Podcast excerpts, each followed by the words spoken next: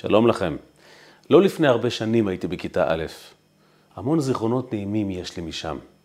להיזכר במורה רב אשר חימי עליו השלום נכנס אל תוך הכיתה כשהוא ממלמל כל בוקר, ויהי נועם השם אלוקינו עלינו, מעשה ידינו כוננה עלינו, ומיד כשהוא מסיים כולם מתחילים מודה אני לפניך. והוא אומר את זה בעגה המיוחדת של יהודי מרוקו. ועוד זיכרון יש לי משם, המקל של המורה. היה לו מקל, משהו שכבר לא רואים היום, ולא מוצאים היום. אני לא זוכר את זה כמשהו נורא, אלא כמשהו נוסטלגי. מישהו היה מתנהג לו כמו שצריך, הוא היה עושה ככה עם היד, והמורה היה מכה אותו על האצבעות. זה לא כאב במיוחד, אבל פחדנו מהמקל. אני מעריך שהמורה בעצמו קיבל חינוך הרבה יותר נוקשה. אלו היו שרידים שמבחינתו הוא רק פינק אותנו. אבל היה שם מקל, ופחדנו מהמקל. והיום לא תמצאו מקלות. אף אחד מילדיי, ברוך השם, לא ראה מעולם את המורה מחזיק מקל. והשאלה היא למה?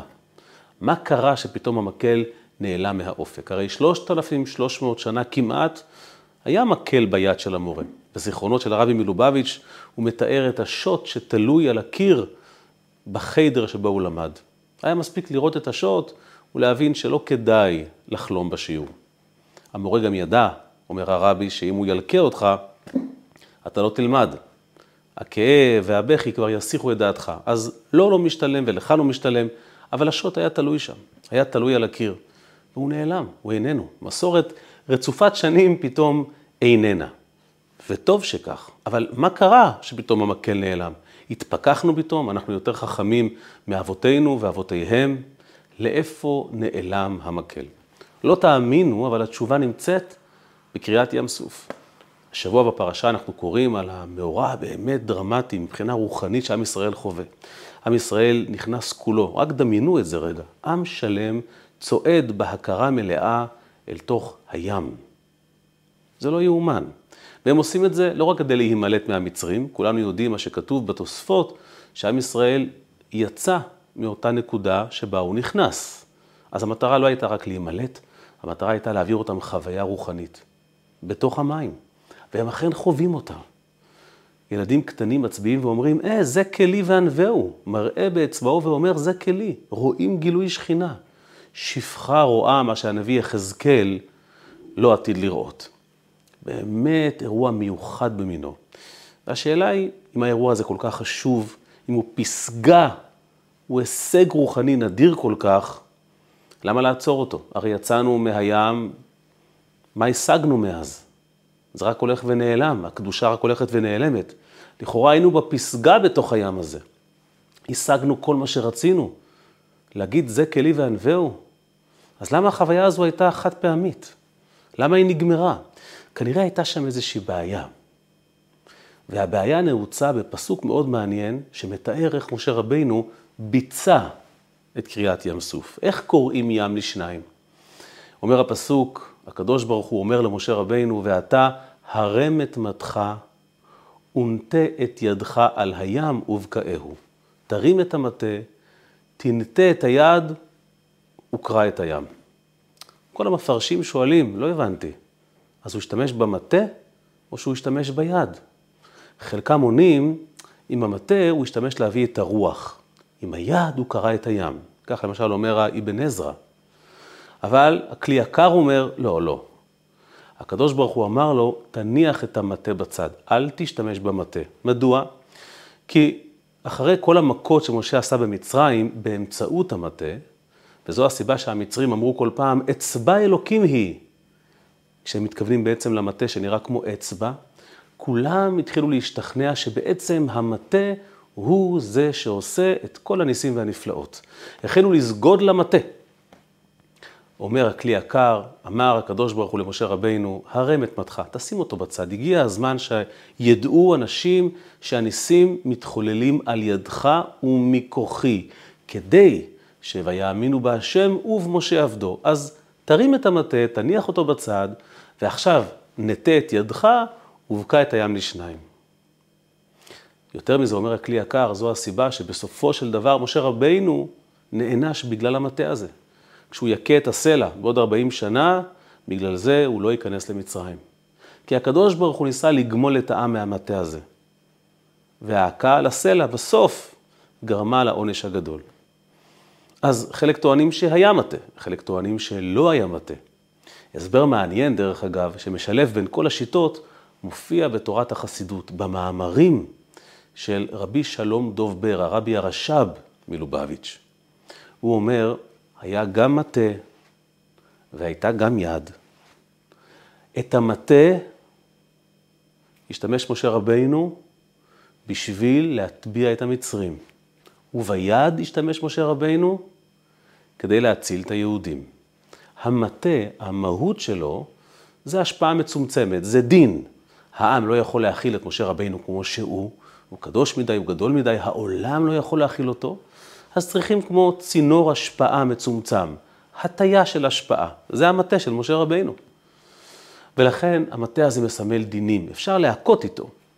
כותב הרבי הרש"ב, משה הניף את המטה כדי שהמצרים יקבלו את מידת הדין מהים, אבל את ידו הוא נטע בשביל לפתוח את הים לשניים, ועם ישראל יעבור בתוכו בחרבה. אז הנה, שילבנו את כל השיטות, את כל הדעות. היה מטה, הייתה גם יד, היה לזה תפקיד ולזה תפקיד. אבל אז חוזרת השאלה הראשונה, אז המאורע הזה כל כך מוצלח, הם נכנסו אל הים, המטה העניש את המצרים, היד הצילה את היהודים, נכנסו פנימה, ראו את הקדוש ברוך הוא, בואו נעצור את הכל. מי רוצה לצאת מים כזה? זו פסגה רוחנית שעד היום לא שחזרנו אותה. למה להמשיך הלאה במסע בכלל? כאן מגיע הרבי מלובביץ' ואומר, אתה יודע מה הייתה הבעיה? שהיה מטה, שהיה מקל. לא חשוב לפי איזה פרשן. ולא משנה שבסוף הסברנו את כל המאורע הזה. עצם העובדה שהיה שם מקל בתמונה, מוכיחה שהאירוע הזה הוא לא יכול להיות סוף הסיפור. אם משה רבנו נאלץ לעשות איזשהו שימוש במקל, זאת אומרת שהים, הטבע של העולם, התנגד למהלך הזה. היה פה קונפליקט. העולם מעלים על אלוקות. הגשמיות מתנגדת לאמת האלוקית. מגיע משה רבינו ורוצה להכניס את האמת שלו, משה אמת, אל תוך הים. אז הוא מניף מטה, הוא שם אותו בצד, הוא משתמש בו. אומר הרבי מלובביץ', בסוף הוא היה צריך להרים את המטה, אולי לשים אותו על הקיר שהים רק יראה, אולי להכות בו, אבל בסוף הים ראה מקל ונקרא לשניים. אם הים נקרא לשניים כי הוא ראה מקל, זאת אומרת שהוא התנגד לכל המאורע הזה. אפילו שבסוף הוא נכנע והסכים. וזו לא המטרה. כי מקל שמופיע, הוא בעצם מוכיח שאין פה השלמה, שאין פה התמזגות, שאין פה הסכמה, שיש פה קונפליקט, שיש פה שני צדדים, עולם הזה והקדוש ברוך הוא. ולכן לא יכול להיות שזה עיקר המסע. זו אולי התחלה טובה, זו התחלת חינוך טובה, אבל מה היעד שלנו? מה המטרה שלנו? המטרה שלנו להוציא את המקל, להוציא את המטה מהסיפור, שהים יוכל להיקרע ולקבל את האמת האלוקית ואת הקדוש ברוך הוא, בלי שצריכים מקל. והדבר הזה עומד לקרות, מסתבר. אומר הנביא, כאשר משיח יבוא, גם הוא יבקע את הים, או את הנהר יותר נכון. גם משיח עתיד להעביר אותנו את אותה חוויה רוחנית דרמטית. כל אחד מאיתנו עתיד להצביע ולומר, זה כלי וענווהו, עין בעין יראו בשוב השם. על זה אומר הנביא, והניף ידו על הנהר והיכהו לשבעה נחלים. כמו אבותינו שעברו בים וראו ואמרו, זה הקדוש ברוך הוא, גם אנחנו נחווה את זה. אבל שימו לב להבדל. כשמשיח, יעש... כשמשיח יעשה את זה, אומר הנביא, והניף את ידו על הנהר. המקל יצא מהתמונה. לא צריכים אותו. הטבע מקבל את האלוקות לא בהכנעה. הוא דבר אחד עם האלוקות. לא צריך לשכנע אותו. זו המהות שלו. הוא, הוא, הוא בא מהאלוקות בסופו של דבר. הצלחנו אחרי שנים להוציא את המקל, כי יצרנו באמת שלום. יצרנו מיזוג. משה רבינו הביא אותנו לפסגות אלוקיות, אבל העולם מתנגד. העבודה תושלם בדור שלנו כשמשיח יבוא, בלי הצורך להשתמש במקלות. וכך מנסח את זה הרבי מלובביץ', והוא כותב כך: מה שקריאת ים סוף הייתה על ידי מטה, כי בקיעת ים סוף הייתה עדיין תחילת העבודה בהפיכת הגשמיות לאלוקות. ולכן, אומר המדרש, קח את מטך, כאשר הקדוש ברוך הוא מבקש ממשה ואהרון לקחת את המטה וללכת לפרעה. למה מטה? כשם שדרכו של כלב ללקוט במקל, כך תקעו את פרעה במקל. כלב מקיא ממקל. שאז היה קריאת ים סוף על ידי הכאה, להכריח את הגשמיות להסכים לאלוקות. מה שאין כן לעתיד לבוא, בגמר ושלמות העבודה, הרי אז, אז נאמר והניף ידו, בקיעת הנהר, שבירת המחיצה בין העולם הזה לאלוקים. החוויה של התגלות הקל בחיים שלנו, היא תהיה בלי מקל, היא תהיה בנועם, היא תהיה באהבה. לא צריכים להכריח, אין שום קונפליקט. ולכן קריאת ים סוף הייתה חוויה התחלתית, אבל אי אפשר להמשיך איתה. זאת גישה שהרבי אימץ לא רק כרעיון תורני, אלא בכלל כהשקפה. והיא אומרת, כשאתה בא לבחון יהודי בכלל, תיפטר מהמקל. אנחנו בדור שבו לא משתמשים במקל. אבל מצד שני, אנחנו לא רוצים הפקרות, אנחנו לא רוצים שכל אחד יעשה מה שהוא רוצה, אז איך אפשר גם לקבוע גבולות, ומצד שני, גם להיפטר מהמקל?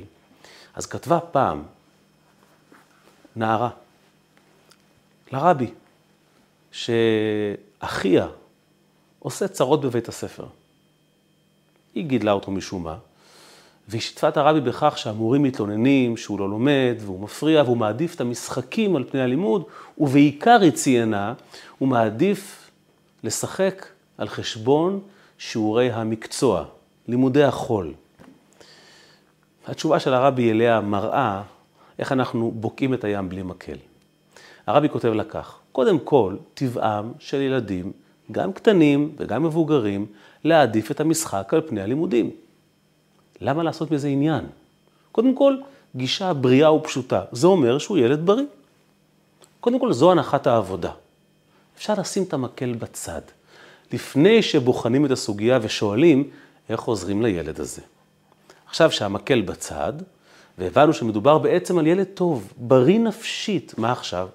כותב לה הרבי, לבד מכך שבדרכי נועם ועל ידי תחרות עם חבריו בהישגיות לימודית נוכל להחזיר אותו אל ספסל הלימודים, יותר מזה הוא כותב לה, את ציינת שבעיקר, בעיקר, הוא משתמט משיעורי החול, משיעורי המקצוע. כנראה, כותב לה הרבי, זה סימן שהנשמה שלו רוצה יותר ללמוד תורה ופחות מקצועות חול.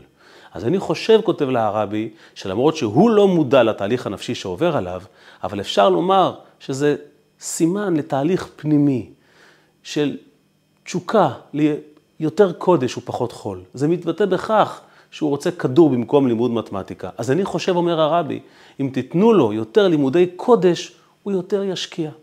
וזה הפתרון. זה לקרוע את הים בלי מקל.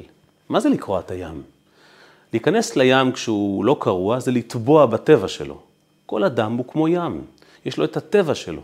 אתה רוצה להיכנס פנימה, לעזור לו, להטביע בו חותם, לחנך אותו, אתה יכול לטבוע. יש לך עכשיו שתי דרכים איך להיכנס לתוך ליבו. עם המקל, פשוט להכריח אותו לעשות מה שאתה רוצה. זו אופציה שעשינו הרבה מאוד שנים, כי העולם מתנגד לאמת האלוקית, והיום, בלי מקל. קודם כל תביט אל תוך הנפש שלו.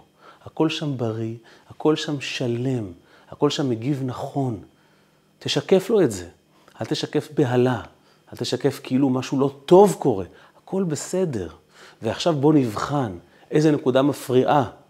ואולי נגלה בסוף שזה רק יתרון, כי בעצם הילד הזה מביע השתוקקות ללימודי קודש. הסתכלות כזו לא מצריכה מקל. וזו הסיבה שמשיח צדקנו נפטר מהמקל הזה. הוא לא צריך אותו, מדוע? על משיח נאמר שלא למראה עיניו ישפוט, ולא למשמע אוזניו. כשהוא יראה בן אדם, הוא לא ישפוט לפי מה שהעיניים רואות. כי העיניים לא מספרות את הסיפור האמיתי.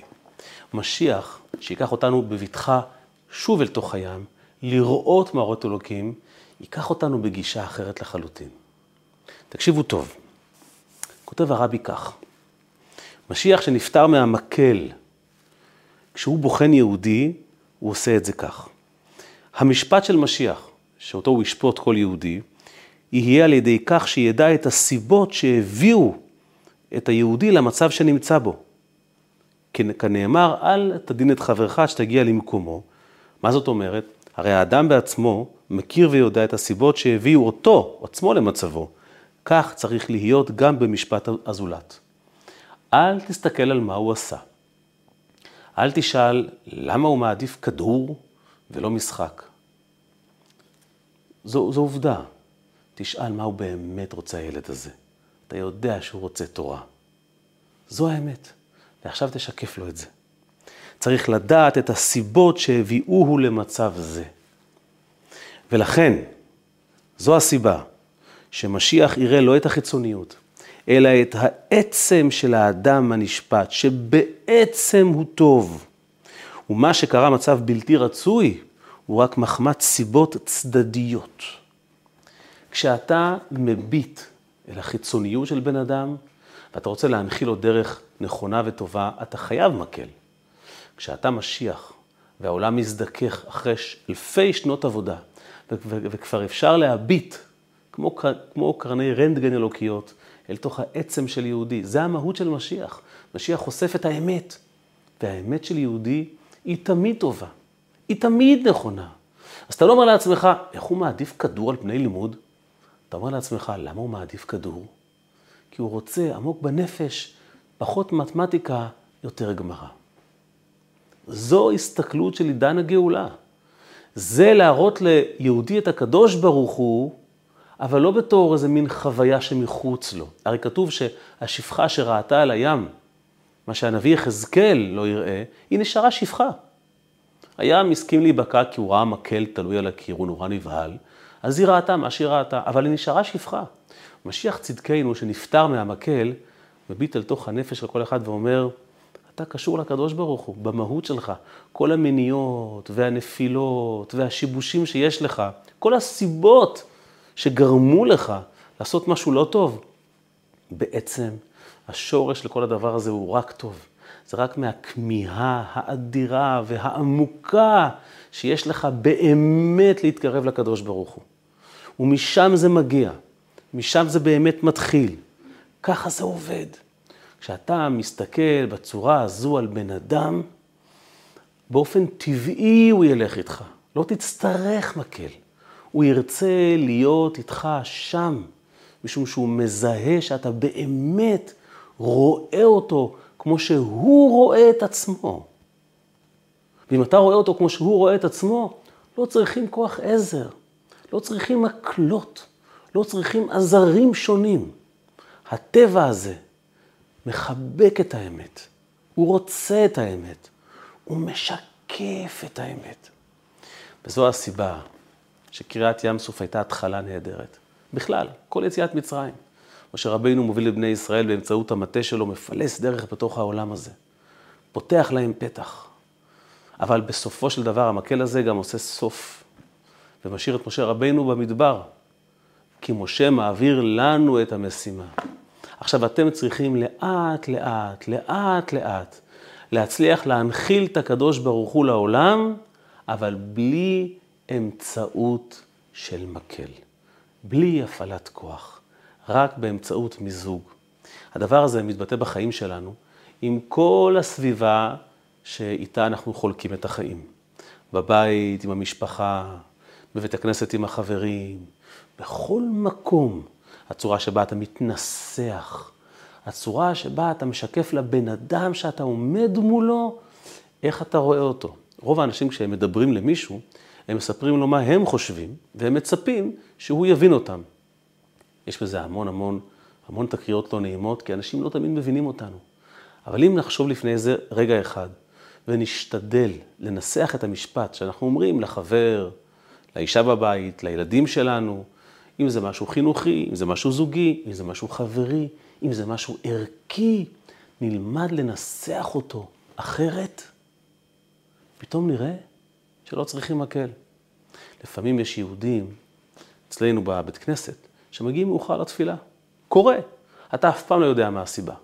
קורה שגם הרב מאחר לתפילה. שמתי לב בעצמי, שאדם שנכנס מאוחר לתפילה, בדרך כלל אנשים שמגיעים קבוע בכל בוקר, ופתאום פעם אחת מאחרים, יש איזה מין דוק כזה של בושה על הפנים. זאת אומרת, מין התנצלות כזו על הפנים שלהם. וזה מובן. ואז אמרתי לעצמי, אתה לא יודע למה האדם הזה איחר. אין לך מושג. אתה לא יודע איזה ניסיונות הוא עבר. אתה לא יודע מה הוא חווה. אין לך צל של מושג איזה מסירות נפש הוא השקיע כדי להגיע לפה בזמן. ואז שבת אחת, אחד, ה... אחד החברים הקבועים במניין הגיע באיחור ניכר. וכזה התנצל, והחבר'ה עשו לו פרצופים, מה, עכשיו מגיעים? בצחוק, הכל באהבה גדולה כמובן. ואז אחרי זה בהתוועדות, אחרי התפילה, הוא אמר, אני מוכרח, אני מוכרח לשתף אתכם. למה הגעתי מאוחר? קמתי הבוקר, מוקדם מהרגיל, כי שמעתי מים זורמים בדירה שלי. רצתי למטה, אשתי בעקבותיי מבוהלת, מסתבר שצינור ראשי התפוצץ, כל קומת הקרקע מוצפת מים. הוא לא אדם שומר מצוות באופן הדוק, הוא לא הקפיד אולי על קלה כבחמורה בדיוק בכל מה שהוא עשה שם, אבל זה מצב חירום מבחינתו, והוא התחיל לעשות, להציל מה שהוא יכול, ועבודה קשה ומלוכלכת, שבת בבוקר, והוא מגיע כל שבת לבית הכנסת. עבד קשה מאוד, מהשעה חמש בבוקר עד השעה שמונה, עד השעה תשע. כשהוא סיים את העבודה שלו, הוא היה שבור ורצוץ ועייף, ורק רצה לחזור לישון. הוא היה מותש גם נפשית מהנזק שקרה. ואז הוא התקרב למיטה ואמר לעצמו, מה לפספס קריאת התורה? לא חשוב כמה אתה עייף, לא חשוב מה חווית. וגם אשתו אמרה לו, אתה כל שבת הולך לבית כנסת.